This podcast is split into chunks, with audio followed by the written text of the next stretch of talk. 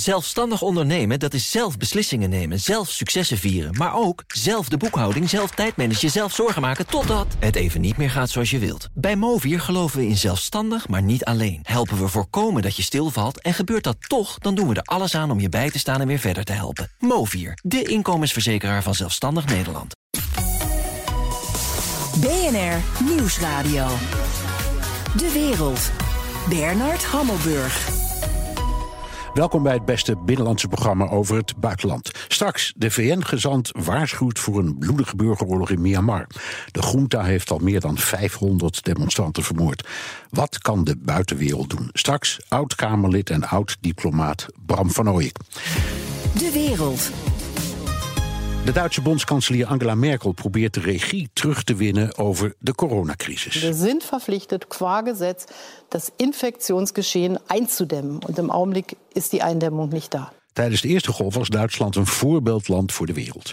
Maar nu liggen de koelkasten vol met ongebruikte vaccins, is er ruzie tussen Merkel en de deelstaten en verdampt het vertrouwen onder de bevolking. Ik praat erover met Dirk Marseille, onze correspondent in Berlijn. Hadi Dirk. Goedemiddag, Bernard. Allereerst, hoe gaat het nu in Duitsland met het aantal besmettingen en sterfgevallen? Nou, het aantal besmettingen dat uh, schiet omhoog. De derde golf is uh, op dit moment volop bezig in Duitsland. Het zeven dagen gemiddelde, dat schommelt ze rond de 132 besmettingen per 100.000 inwoners. Dus boven de 100, dat is, eh, dat is altijd wat, wat belangrijk is. Vooral ook omdat daar in Duitsland heel veel maatregelen aan verbonden zijn. Daar zullen we het zo nog over hebben. Het aantal coronagevallen wat erbij komt, uh, dat is in verhouding met Nederland dan wel iets minder. Dus in Duitsland gaat het in vergelijking met Nederland iets beter. En ook het aantal doden, dat daalt gelukkig al wel een tijdje. Maar ja, als je dan uiteindelijk toch zo'n getal leest van hey, tijdens deze coronapandemie in Duitsland meer dan 76.000 mensen die zijn overleden aan het virus. Ja, dan blijft dat toch wel een ongelooflijk getal om, ja. eventjes bij stil te staan. Ja, enorm. In de eerste golf, Dirk, keken we allemaal naar Duitsland. Toen was het juist die aanpak van de deelstaten die zo succesvol was. Wat is er nou misgegaan? Ja, wat's gebeurd, hè, zou je eigenlijk zeggen. Wat gebeurd? Hoe kan dit nu? Ja, hè, een jaar geleden was die lockdown uh, veel strenger. Hè, dan, dan, dan lieten de Duitsers echt zien van, nou ja, we zitten er bovenop. Er was een eenheid tussen de regering in Berlijn en die 16 deelstaten. Alleen die harmonie is nu eigenlijk helemaal weg. Je merkt dat het vertrouwen onderling in die federale structuur echt aan het wegbrokkelen is. Elke deelstaat die wil eigenlijk het liefst uh, zo snel mogelijk met proeven starten. Daar waar het reproductiegetal veel lager is dan de 100. Maar ja, hoe leg je dat dan weer uit naar andere gebieden waar mensen ook wel op een terrasje zouden mogen zitten? Dan komt er een trage vaccinatiecampagne bij uh, die om bureaucratische redenen gewoon niet goed loopt. Het blijkt gewoon dat uiteindelijk uh, de communicatie onderling tussen de overheden in Duitsland en de communicatie met de burger niet goed loopt, dan is de Duitse burger ook nog heel erg um, uh, achterdochtig als het gaat om wat voor vaccins er, er zijn. Dus gewoon een relatief hoog percentage van de Duitsers dat sommige vaccins uh, weigert. Met andere woorden, het gaat op zoveel terreinen op dit moment mis in, in Duitsland... Uh, dat, dat je echt kunt zeggen dat, dat het toch wel op een klein drama aan het ja. uitlopen is. En, en wie geven de Duitsers nou de schuld, Dirk? Nou ja, het is natuurlijk altijd makkelijk om de overheid de schuld te geven in, in, dit geval. Ik moet ook wel zeggen dat, dat er daarna gewoon naar gekeken wordt, omdat uh, er ook zoveel overheden bij betrokken zijn. Dat is gewoon in Duitsland op dit moment zo duidelijk dat daar je eigenlijk vanuit de landelijke overheid in Berlijn naar de deelstaten, uiteindelijk naar de gemeenten, uh, de, de teams rondom de vaccinatiecentra. Daar is de overheid allemaal heel nauw bij betrokken. Uh, en daarvan wordt gewoon gezegd van ja, dat, dat loopt te stroperig. Het is onduidelijk wie doet wat. Um, en um, als je nu kijkt naar het vertrouwen ook, hè, dat uh, naar de peilingen in de partij die nu op dit moment in de Duitse regering zitten, als je het daaruit wil afleiden, ja, dan zie je dat de partij van Angela Merkel de, de, de Bundeskanzlerin al 16 jaar aan het roer hier in, in Duitsland onder de 30% geroetst is. En ze stond heel lang bijna tegen de 40% En dat is echt in de afgelopen twee maanden gebeurd. Ja, ja. ze verscheen ook in een praatprogramma uh, op tv. Dat doet ze alleen als ze, ik zou maar zeggen, in paniek is. Of zie ik dat verkeerd? Nou, als ze merkt um, dat, dat er iets te winnen is via zo'n zo'n interview. Um, en als ze een boodschap wil uit, uitdragen uh, waarvan ze denkt dat die strategisch handig uitkomt.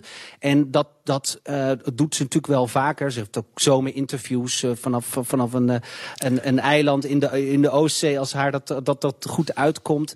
maar je hebt wel gelijk dat ze eigenlijk één op één... in zo'n interviewprogramma alleen maar komt als ze echt voelt van... ai, dit gaat de verkeerde kant op. Ja, ze ziet die 30 procent en ze denkt... ik ga met mijn snuffert op de tv. Misschien red ik ja. Het laatste interview was eigenlijk... zag ik, zag ik dat eigenlijk als een andere aanleiding. Want ik bedoel, ze gaat natuurlijk weg... en ze is staat voor haar partij. Maar aan de andere kant ja, moeten anderen het ook gaan overnemen. Ik zag het juist eerder ook als een oproep om de deelstaten tot de orde te roepen. Zij ja. van ik neem alle verantwoordelijkheden op mij. En uh, ik ben hiervoor verantwoordelijk. Tegelijkertijd stipte ze ook heel fijntjes aan dat een aantal deelstaten wat haar betreft echt te veel hun eigen ding doen. Um, en, en dat was volgens mij meer het appel van laten we nu samenwerken en laten we op één lijn gaan, gaan zitten. Maar ik ben toch echt bang dat dat interview ook al, wordt dat dan door uh, Merkel heel uh, geloofwaardig naar buiten toe gebracht. Daarin is ze echt wel een kei om, om dat te doen. Dat het gewoon niet meer aankomt. Het is gewoon uitgewerkt. Merkel is wat dat betreft, en dat is voor mij ook heel bijzonder voor na, in die tien jaar Duitsland, dat je tien jaar lang ziet dat Merkel dat allemaal hè, tot op zekere hoogte gewoon goed managt. Dat ze nu de mensen niet meer weten te bereiken. Nee. Dit is BNR De Wereld. Mijn gast is Duitsland-correspondent Dirk Marseille. De partij van Angela Merkel staat op een dieptepunt in de peilingen. En dan wil ik nur zeggen, CDU hat ja keinen Rechtsanspruch auf das Kanzleramt. Merkel houdt er zelf wel rekening mee dat het best eens een regering zou kunnen komen zonder CDU. Dirk, over een paar maanden zijn er verkiezingen in Duitsland. Hoe beïnvloedt corona en de aanpak daarvan de campagne? Nou ja, die heeft, dit is alles bepalend onderwerp op dit moment. Uh, alles wordt eruit afgeleid, gewoon omdat wij dat ook dagelijks hier in Duitsland merken. Kijken of mijn dochter naar het kinderdagverblijf kan, uh, of ik over twee weken nog een baan heb. Iedereen weet natuurlijk dat dat met corona te maken heeft. En dat dus het succes van die maatregelen van essentieel belang zijn, ook zijn voor het bedrijfsleven om weer plannen te gaan maken. En iedereen is op dit moment zo ontzettend voorzichtig en zo afwachtend als het gaat om de periode na corona, omdat de maatregelen gewoon niet aanslaan. Dat dat natuurlijk ook voor de politieke partijen als een paal boven water staat. Dat dat eerst uit de weg moet zijn. Dat, dat daar in elk geval aanleiding moet zijn om vooruit te kunnen kijken voordat men verder kan denken. Ja, je zei straks al, uh, Merkel is in de peilingen gedaald. Haar, partij, de CDU, staat er niet goed, gaat er slecht voor. Um, er is ook nog geen keuze voor een opvolger. Hoe kan je campagne voeren zonder dat je weet wie dat zou zijn? Ja, op, op zich is dat niet heel vreemd, hè, want het was eigenlijk altijd al de bedoeling dat het eigenlijk de komende periode tussen, uh, tussen uh, Pasen en Pinksteren bekend zou worden. Uh, dat moet ik misschien even uitleggen. Hè. De, de Christendemocraten in Duitsland die bestaan in een coalitie bij de Bundestagsverkiezingen, dus in, in september uit het CDU en het CSU. CSU is de partij uit Beieren. Nou, die, dat is eigenlijk de junior genoot in die Christendemocratische coalitie en het CDU, de partij van Merkel, um, heeft daarin het voor het zeggen. Die zijn ook een stukje groter. Die zitten ook in over heel Duitsland verspreid. En nu is er uh, wat betreft de CDU een kandidaat, Armin Laschet, de minister-president uit uh, Noord-Rijn-Westfalen. En Daarvan wordt gezegd dat zou eigenlijk normaal gesproken de opvolger van Angela Merkel ook als Bundeskanzlerkandidaat zijn. Hij is nu tot uh, partijvoorzitter gekozen. Maar ja, het gaat nu zo slecht met Angela Merkel en de regering en de CDU dat er ook misschien wordt gekeken naar de kandidaat van de CSU, uh, eh, Zeuder. En Zeuder is veel populairder dan Armin Laschet. Dat is natuurlijk eigenlijk een hele gekke situatie. Dat Zeuder bij de algemene kiezer in Duitsland veel meer aanhangers heeft dan Laschet. Maar Laschet heeft het uh, partijapparatschik achter zich alle carrière-tijgers binnen de Christen-Democraten in Duitsland die uh, aan het CDU verbonden zijn, die stemmen voor Laschet. En daarom uh, uh, is het nu nog onduidelijk, omdat enerzijds de Duitse regering zo slecht pre presteert en Arme Laschets naam daar ook aan verbonden is. En aan de andere kant, omdat er toch ook wel een sterke kandidaat uit het zuiden van Duitsland is, die mogelijk ook uh, Bundeskanzler-kandidaat zou, zou kunnen ja, ja. Is dat, het schiet me zo te binnen, is dat eigenlijk zo'n situatie als ooit is gebeurd met Strauss? Dat was volgens mij ook iemand uit Beieren. Ja. Die zo omhoog klom in een dergelijke situatie. En uiteindelijk ook uh, een, een toppositie verwierf. Ja, dat klopt inderdaad. Die is ook uh, Bundeskanzlerkandidaat geweest, inderdaad, uh, ruim 30 jaar geleden. Um, maar hij is het uiteindelijk niet geworden, dus hij is toen geen Bundeskansler geworden. Uh, Strauss was inderdaad, hè, die geldt nog altijd voor de CSU in Beieren als hè, de, de, de, de meest invloedrijke po politicus die Zuid-Duitsland ooit heeft gehad. Er hangt ook een portret van Strauss op de werkkamer van de, de huidige CSU-voorzitter van, van, van Zeuder. dus wat dat betreft is dat echt een, is dat echt een icoon. En het lijkt er toch op alsof we inderdaad ermee te maken hebben dat dat weer zo zou kunnen zijn. Alhoewel ik wel verwacht dat. Het is ook logisch dat nu op het moment dat er gekozen moet gaan worden. dat Laschet met al die politieke krachten te maken krijgt. Dus dat iedereen ook op hem gaat letten. Dat alles wat hij doet onder een vergrootglas uh, wordt, wordt uh, uh, gelegd. En het is in Duitsland wat dat betreft altijd heel erg simpel. Of je zit in het zadel, of je bent ook meteen weg. en dat begint eigenlijk op het moment dat CDU prominenten, dus van de partij van Laschet, in het openbaar gaan zeggen: ja, die Laschet, ja, ik weet niet of dat nou wel zo'n heel verstandig is voor ons. We gaan onderuit in de peilingen. Maar dat is op dit moment nog niet zo. Dus er wordt wel geprikt. Maar Laschet is nog steeds, heeft nog steeds dat vertrouwen van die CDU-top. Ja, vertel even over de concurrentie. De Groenen. Die, die staan bijna gelijk met de CDU. Hoe verklaar je dat in, in het autoland Duitsland? Ja, nou ja, bijna gelijk. Ik eh, bedoel, dat zou wel heel erg snel gaan. Er zit nog steeds wel 6, 7 procentpunt verschil tussen. Hè, wat, wat nog altijd, eh, als je het naar Duitse verhoudingen bekijkt, eh, toch wel anderhalf miljoen kiezers zijn. Um, Alleen ja, de opkomst van de Groenen is wel ontzettend, uh, ontzettend opvallend. Um, uh, zijn er partijen eigenlijk bestaan uit twee stromingen. Dus je hebt het burgerlijke midden van, van, van de partij. En je hebt echt de, de, de, de mensen ter linkerzijde binnen, binnen die Groenen. Nou, de heer Van Ooyek, die, die, die, die zal er misschien zo ook nog wel wat over kunnen zeggen. Die zal het ongetwijfeld ook met grote belangstelling volgen als, als GroenLinks-Kamerlid. Maar je, zult, je, je hebt gezien eigenlijk in het verleden dat de Groenen waren vooral de activistische partij Dat de, de partij uit de, voortkwam uit de protesten tegen de kernbeweging. Een enorme breed gedragen burgerbeweging in, uh, in, in, Duitsland. Maar die kwamen altijd wel op, op, het, op, het, uh, op het moment suprem. Dat er over regeringsverantwoordelijkheid werd gesproken. Kwamen er altijd, deden ze altijd voorstellen in de openbaarheid. die op zoveel verzet stuiten. dat de Groenen toch weer niet als, als mogelijk de grootste of de meest populaire partij van Duitsland. zou, zich zouden kunnen profileren. Ik noem als voorbeeld bijvoorbeeld dat ze verplicht wilden invoeren dat in alle bedrijfskantines in Duitsland uh, uh, mensen één dag per week geen vlees mochten eten. Nou, dat moet je nou echt niet in Duitsland zeggen, waar iedereen zo'n beetje he, claimt recht te hebben op, eh, op een curryworst per dag. Um, maar wat je nu ziet eigenlijk is dat Winfried Kretschmann in het zuidwesten van Duitsland, in de deelstaat Baden-Württemberg, als minister-president van de Groenen, uh, uh, in de afgelopen jaren door daar regeringsverantwoordelijkheid te dragen, eigenlijk dat burgerlijke midden van die groener, Groenen echt heeft laten zien in de autostaat Duitsland. Die refereerde er al aan, hè, de deelstaat uh, van, uh, van Mercedes, van Bosch, ja. uh, van SAP ook. als groot softwarebedrijf ook, ook ontzettend belangrijk daar. Dat hij dat met elkaar kon verenigen. Dat hij eigenlijk het groene beleid kon verenigen ook met waar gaan we naartoe. Dat betekende overigens dat hij dus ook concessies bijvoorbeeld deed als het ging om elektrisch rijden. Want ook daarvan zei die minister-president van de Groenen dus nota bene. Nee, als er hele schone diesels zijn, moet dat ook uh, tot de toekomst van, van, de, ja, ja. Van de automotive dat kunnen, kunnen behoren. De, even. Dus hij deed daar... Ja. ja. we hebben niet meer zoveel tijd, maar even. Dit vind ik wel een, een aardige, toch even om voor te leggen. Zie jij de kans dat er een soort paarse coalitie ontstaat... met de socialisten, liberalen, de groenen... zonder CDU-CSU? Ik zie dat zeker als een reële optie. Vooral omdat uh, um, je, je merkt gewoon dat uh, CDU, CSU al zo lang in de regering zit, sinds mensenheugenis. We kennen niet anders een regering dan zonder CDU, CSU.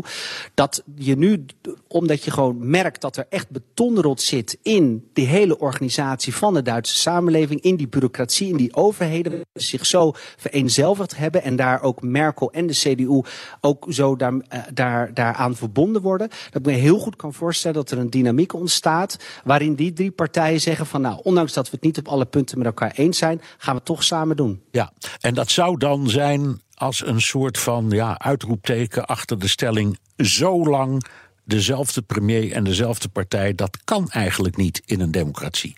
Er moet dus wat anders.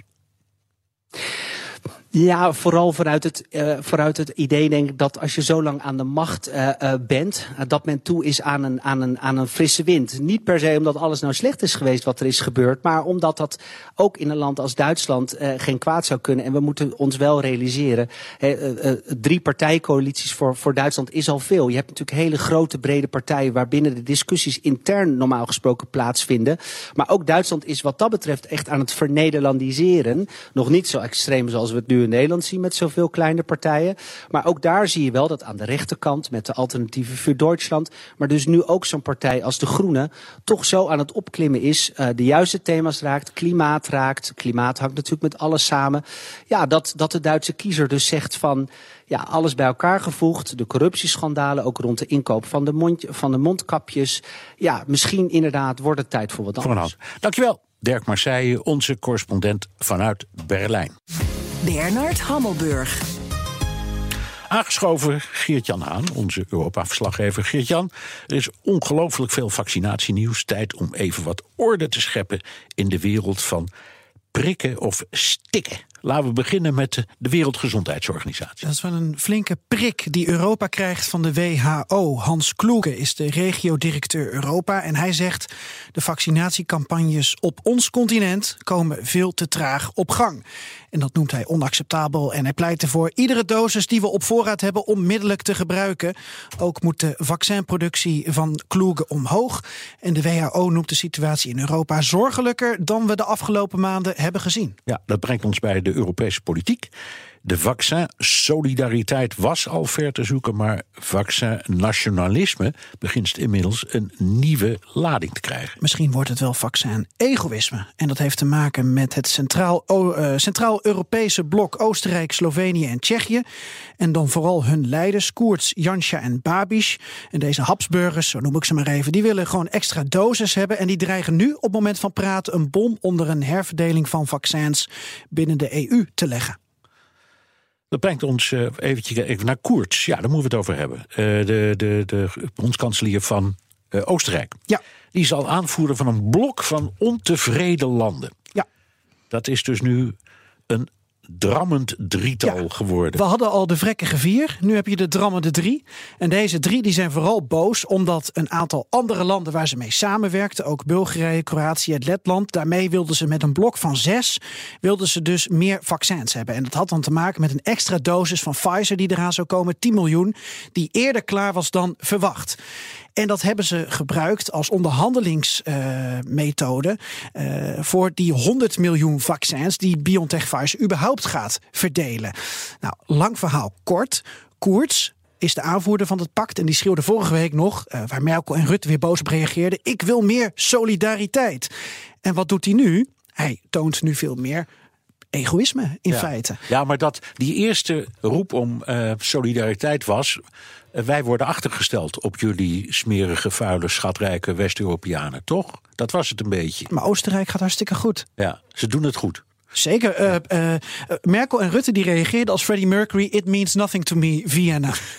Wat je ook uh, loopt te roepen. Want het is aan de ene kant wel solidair dat je dus uh, belang hecht aan wat er in buurland Slovenië uh, of Slowakije bijvoorbeeld gebeurt. Maar aan de andere kant, waarom wil je zelf dan ook wat uit die ruif hebben? Ja. Want in Oostenrijk gaat het naar verhouding dus goed. Je hebt een aantal landen die hebben de boot gemist, omdat ze dus niet goed hebben ingetekend op die vaccins. Die wilden de goedkopere vaccins hebben, zoals AstraZeneca. Ja, die kwamen later dan verwacht. En nou zitten dan Letland en Bulgarije, die zitten op de blaren bijvoorbeeld. Ja, ja. maar je kunt ook zeggen, als in die landen een vierde golf of een vijfde of een zesde golf komt, is dat ook weer gevaarlijk voor de rest van Europa. Precies. Dus je moet, het is niet alleen maar, ik kan maar zeggen, het is ook misschien wel slimme politiek om die landen te helpen. Ja, maar Koerts wordt niet serieus genomen hierin, omdat hij dus ook voor zichzelf opkomt. En wat speelt er nu in Europa? Kijk, die extra vaccins van Pfizer, die zouden naar rato worden verdeeld.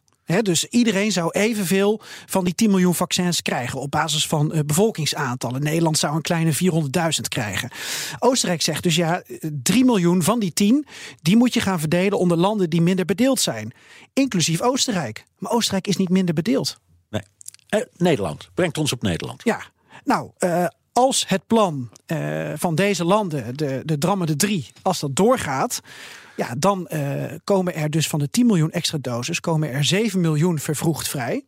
En dat betekent dus van die kleine 400.000 die naar Nederland zou gaan, dat je het dan over iets minder dan 300.000 hebt. Dus dan zijn er, ik denk als ik snel reken, zo'n 90.000 Nederlanders die hebben uh, een, een wat langere uh, wachttijd nodig voordat ze geprikt en kunnen worden. En dan moet Hugo de Jonge dus weer komen uitleggen dat sorry jongens, het is weer een beetje tegengevallen. Nou ja, dan heeft hij dus uh, de uitleg nodig van, goh, er was in Oostenrijk, in Wenen iemand, een bondskanselier van de leeftijd van Geert-Jan Haan, een jong broekie, en die heeft ons dus bij de ballen. Ja, en daar, daar kunnen we dan niks aan doen. Hè? En je kunt dan niet terugvallen op het Nederlandse vaccin-egoïsme.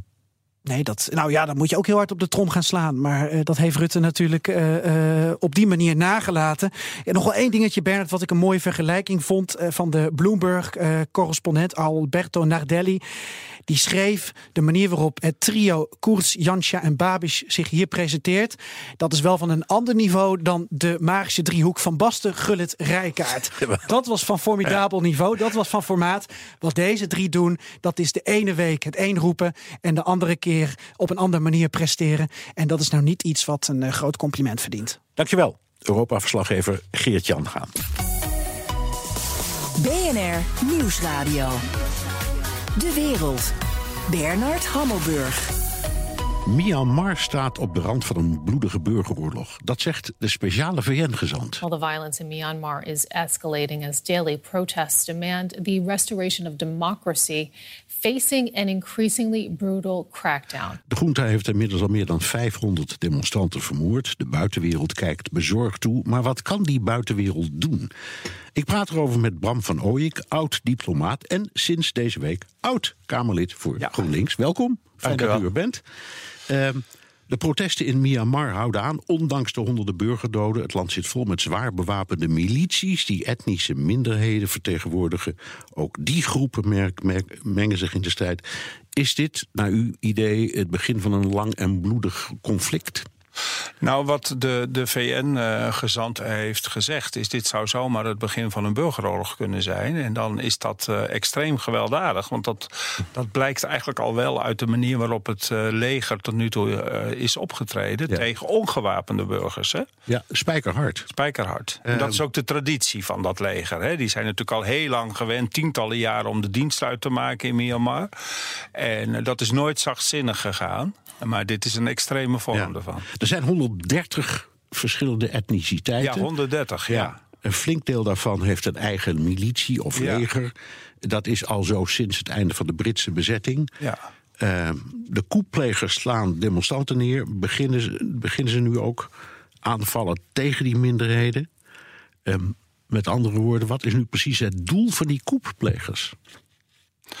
Nou ja, die willen, die willen eigenlijk. Kijk, het, het land heeft natuurlijk niet een, uh, laat ik zeggen, democratische traditie. Het leger heeft natuurlijk altijd, in het, altijd sinds, de, sinds die vroege jaren zestig in het land de dienst Sinds de Britten eruit gingen? Sinds de Britten eruit gingen. Er is een tijdje een, een, een min of meer uh, ja, gekozen, de, de, de, democratisch gekozen regering aan de macht geweest. Met mevrouw Aung San Suu Kyi. Hè? Ja. En, uh, maar daarvan werd ook gezegd, eigenlijk heeft het leger nog steeds op de achtergrond de macht. En nu, nu er verkiezingen waren geweest en die partij opnieuw had gewonnen, heeft het leger gezegd: ja, maar zo raken we onze invloed kwijt. Dus dan gaan we. Ze zijn eigenlijk weer teruggegaan naar de situatie die ze gewend waren, namelijk de baas zijn in het land. Ja, uh, die, de, de, de Aung San Suu Kyi die, die liet eigenlijk zichzelf voor het eerst zien in 1988. Um, en toen greep het leger ook in. Ja. 5000 doden. Precies, daar waren ook grote demonstraties. Ja, is dit gewoon een herhaling van de En geschiedenis? dat leger was toen al dus al 25 jaar aan de macht. En is ja. sindsdien ook weer 25 jaar aan de macht geweest. En eigenlijk rond 2016, 2017 is toen die ja, democratisch gekozen regering een tijdje eigenlijk aan de macht geweest. Dat is bijna, zou je kunnen zeggen, een soort inter, blijkt nu een soort intermezzo geweest te zijn. In een lange traditie van dictatuur en geweld ook tegen de bevolking. Nu komen de Amerikanen en de Europese Unie met sancties tegen de legerleiding. En er klinkt overal verontwaardiging. Iedereen is echt geschokt, kun je wel zeggen. En nou las ik een bericht dat op het moment dat die sancties werden afgekondigd, of er een boze verklaring kwam van Biden of van Blinken of van wie dan ook, waren die generaals een feestje aan het Ja, vieren. de dag van het leger, geloof Ja. ik, officieel. Ja. Waar overigens ook de Russische onderminister van Defensie eh, bij eh, aanwezig was... om het feestje mee te vieren. En ook eh, hoge vertegenwoordigers van eh, Vietnam en Laos en Cambodja... zeg maar uit de ASEAN-gemeenschap, de Zuid-Aziatische gemeenschap. Dus eh, ja, die houden dat regime eh, de hand boven het hoofd. Ja, dus- Rusland doet dat zeker. Nou ja, en China. Ik kom direct nog even op terug op Rusland en China. Aha. Maar eerst even wij. Ja. Want wij komen met boze woorden en, en verontwaardiging. Die, is, die is oprecht, ongetwijfeld. Maar kunnen we iets? Nou ja, kijk, het wordt. Het, het wordt steeds moeilijker, denk ik, naarmate de, de, zeg maar de, grote, de relaties tussen de grote machtsblokken, de, de Europese Unie en de VS aan de ene kant. Hè, zeker nu Biden er weer zit, kun je zeggen dat is één, één club. Hè. In elk geval één opvatting. De één opvatting, Ja. hè, dat was natuurlijk onder Trump ook nog weer eens een keer anders.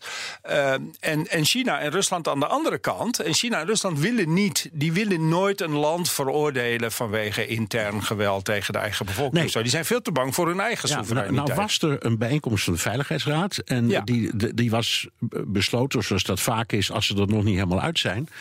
En daarvan, eh, de- nou, ze hebben al gezegd, er komt geen resolutie, maar er komt misschien wel een verklaring. Ja, maar dan moesten de Chinezen nog even Maar de over Chinezen nadenken. moesten nog even nadenken. Ja. En toen dacht ik, die Chinezen zitten er ook mee. Dat is duidelijk. Het, is, het is misschien hun enige eh, bondgenoot zo'n beetje. Ja. Maar die, die, die, zeggen, die, die junta is, is, die is niet bepaald pro-Chinees, zal ik maar zeggen. Nee.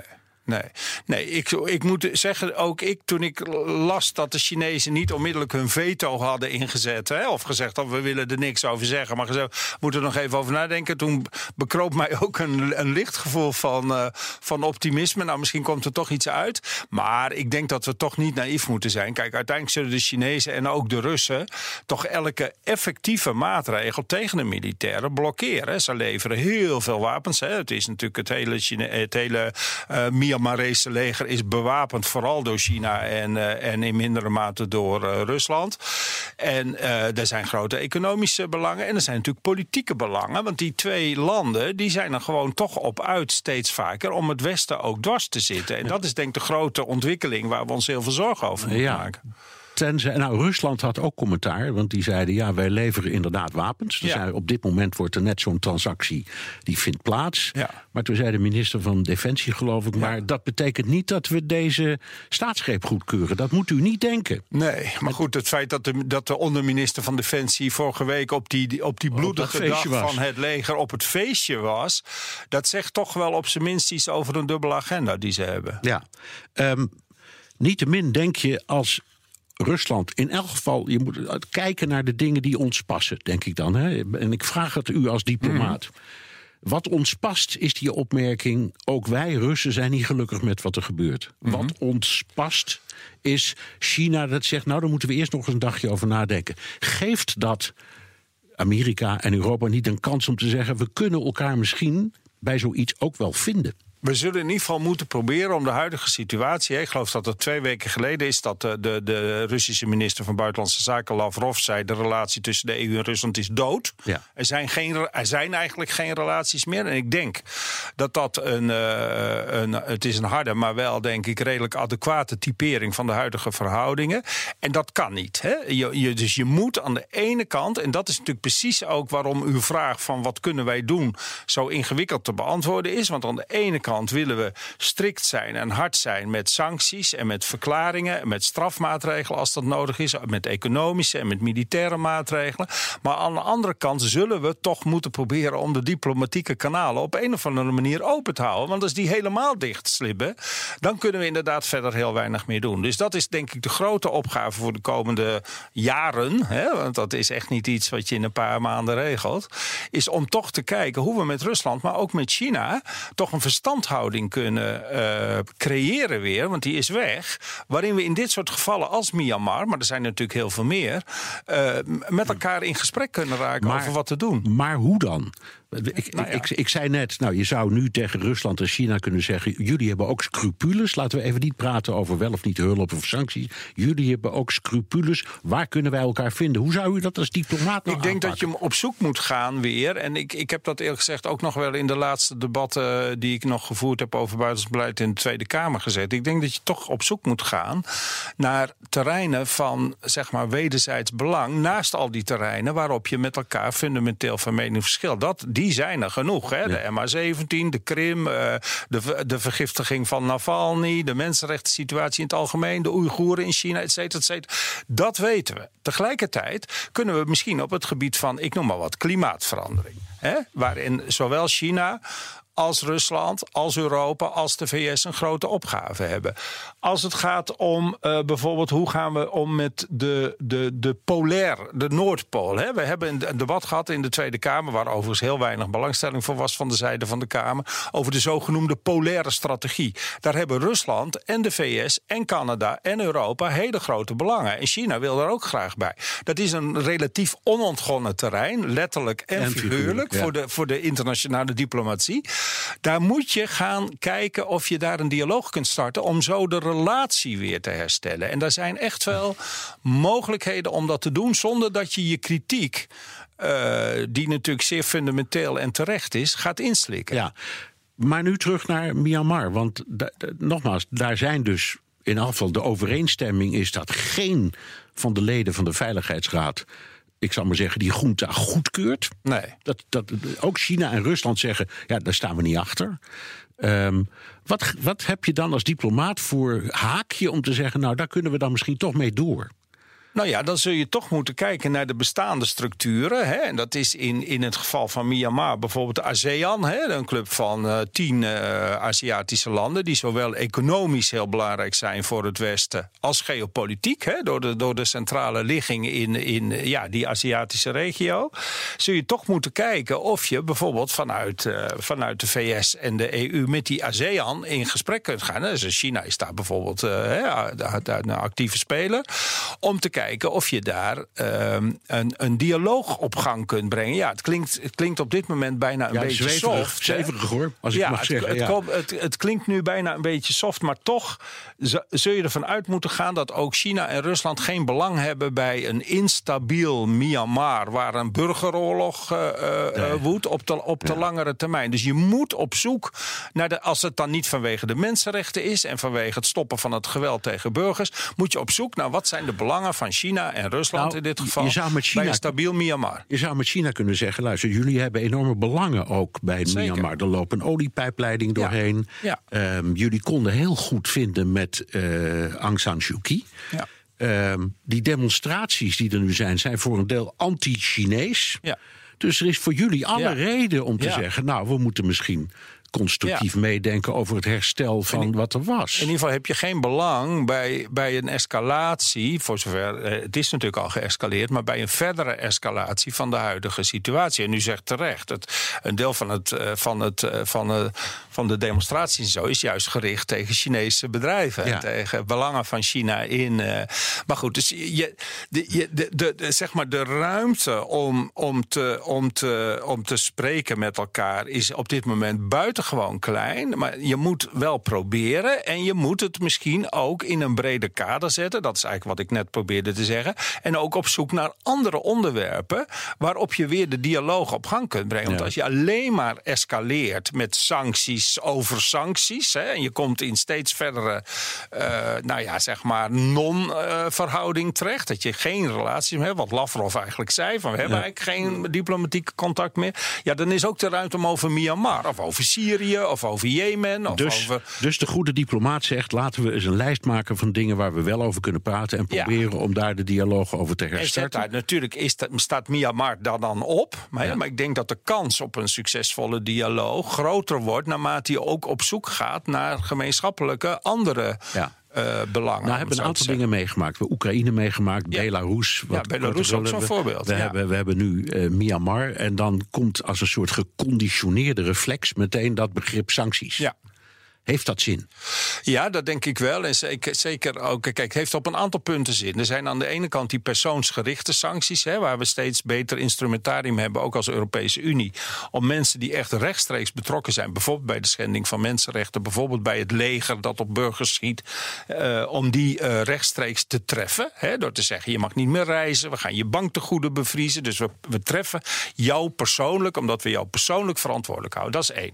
Ten tweede, wapenembargo. Je ziet in het geval van Myanmar hè, dat er een wapenembargo is, wat aan alle kanten wordt geschonden. Wat aan alle kanten wordt geschonden. Zowel door Rusland als China, grote leveranciers, maar ook zelfs door bedrijven. Hè. Er stond gisteren in de, in de krant een stuk over Nederlandse pensioenfondsen, die toch met geld ook in bedrijven zitten, die op een of andere manier verbonden zijn met bedrijven in Myanmar, die het eigendom zijn van het leger. Hè. Dus je ziet dat je ook op dat vlak met sancties, die je effectief ja, nou, nog heel veel kan doen. Veel van de pensioenfondsen en, weet ik, en dat soort bedrijven doen wel hun best om dat Ja, bij zichzelf uit maar te zoeken. nog niet goed genoeg. Hè? En wij zijn allemaal, eh, nou niet wij zijn allemaal, maar veel van ons, eh, wij zijn ook, eh, hè, wij hebben ook geld ingelegd bij die pensioenfondsen. Dus die pensioenfondsen zijn van ons. Meneer Van Dus- Ooyek, u bent sinds een paar dagen met pensioen. Zo is het maar net. En dat Zo- pensioenfonds van u, dat maar investeert net. misschien Dus ook in Wat dat ik soort- daarmee wil zeggen is dat die, dat instrumentarium, dat is er. Hè. Er, zijn, er is een wapenembargo en er is een embargo tegen het eh Myanmarese leger.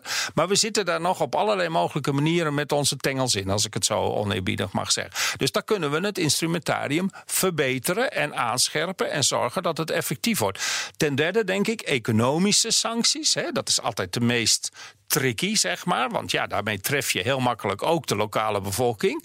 Dus daar moet je selectief in zijn en ook daar kijken of je juist die sancties kunt treffen. En dat is in Myanmar heel makkelijk, omdat het leger daar een hele grote economische machtsfactor is. Het is niet alleen een leger dat militair optreedt, maar het is ook het leger dat een heel groot gedeelte van de economie in handen Het is net heeft. zoiets als in Egypte. Dat is, Ja. Ze hebben over ongeveer Zeker, in elke bedrijfstak Zeker. aandelen of weet ik Zeker, wat. Dat is, eh, precies. Dus, dus je kunt economisch, militair en persoonsgericht. Ik geloof dus in sancties. Alleen waar ik niet in geloof is om dan te zeggen: oké, nu zijn we klaar. We hebben de sancties, eh, we hebben sancties-instrumentarium op de rails gezet.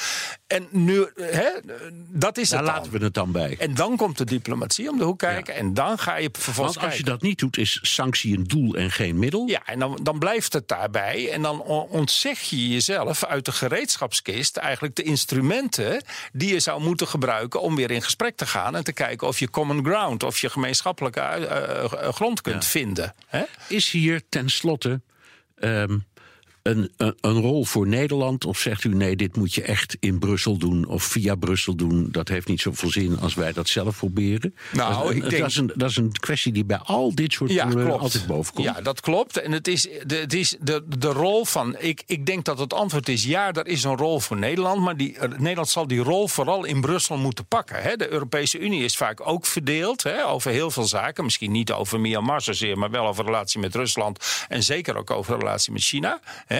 En dan heb je dus lidstaten nodig in de Europese Unie. En, de, de, en Nederland is een, is een relatief eh, invloedrijke lidstaat in Brussel. Blijkt daar altijd weer uit elk onderzoek. Heb je lidstaten nodig die daar het spel op de wagen zetten. Die daarvoor zorgen, hè, die daar zorgen dat er discussie komt, dat er eenheid komt en dat er effectief eh, kan worden opgetreden. Dus ja, Nederland kan daar een rol in spelen.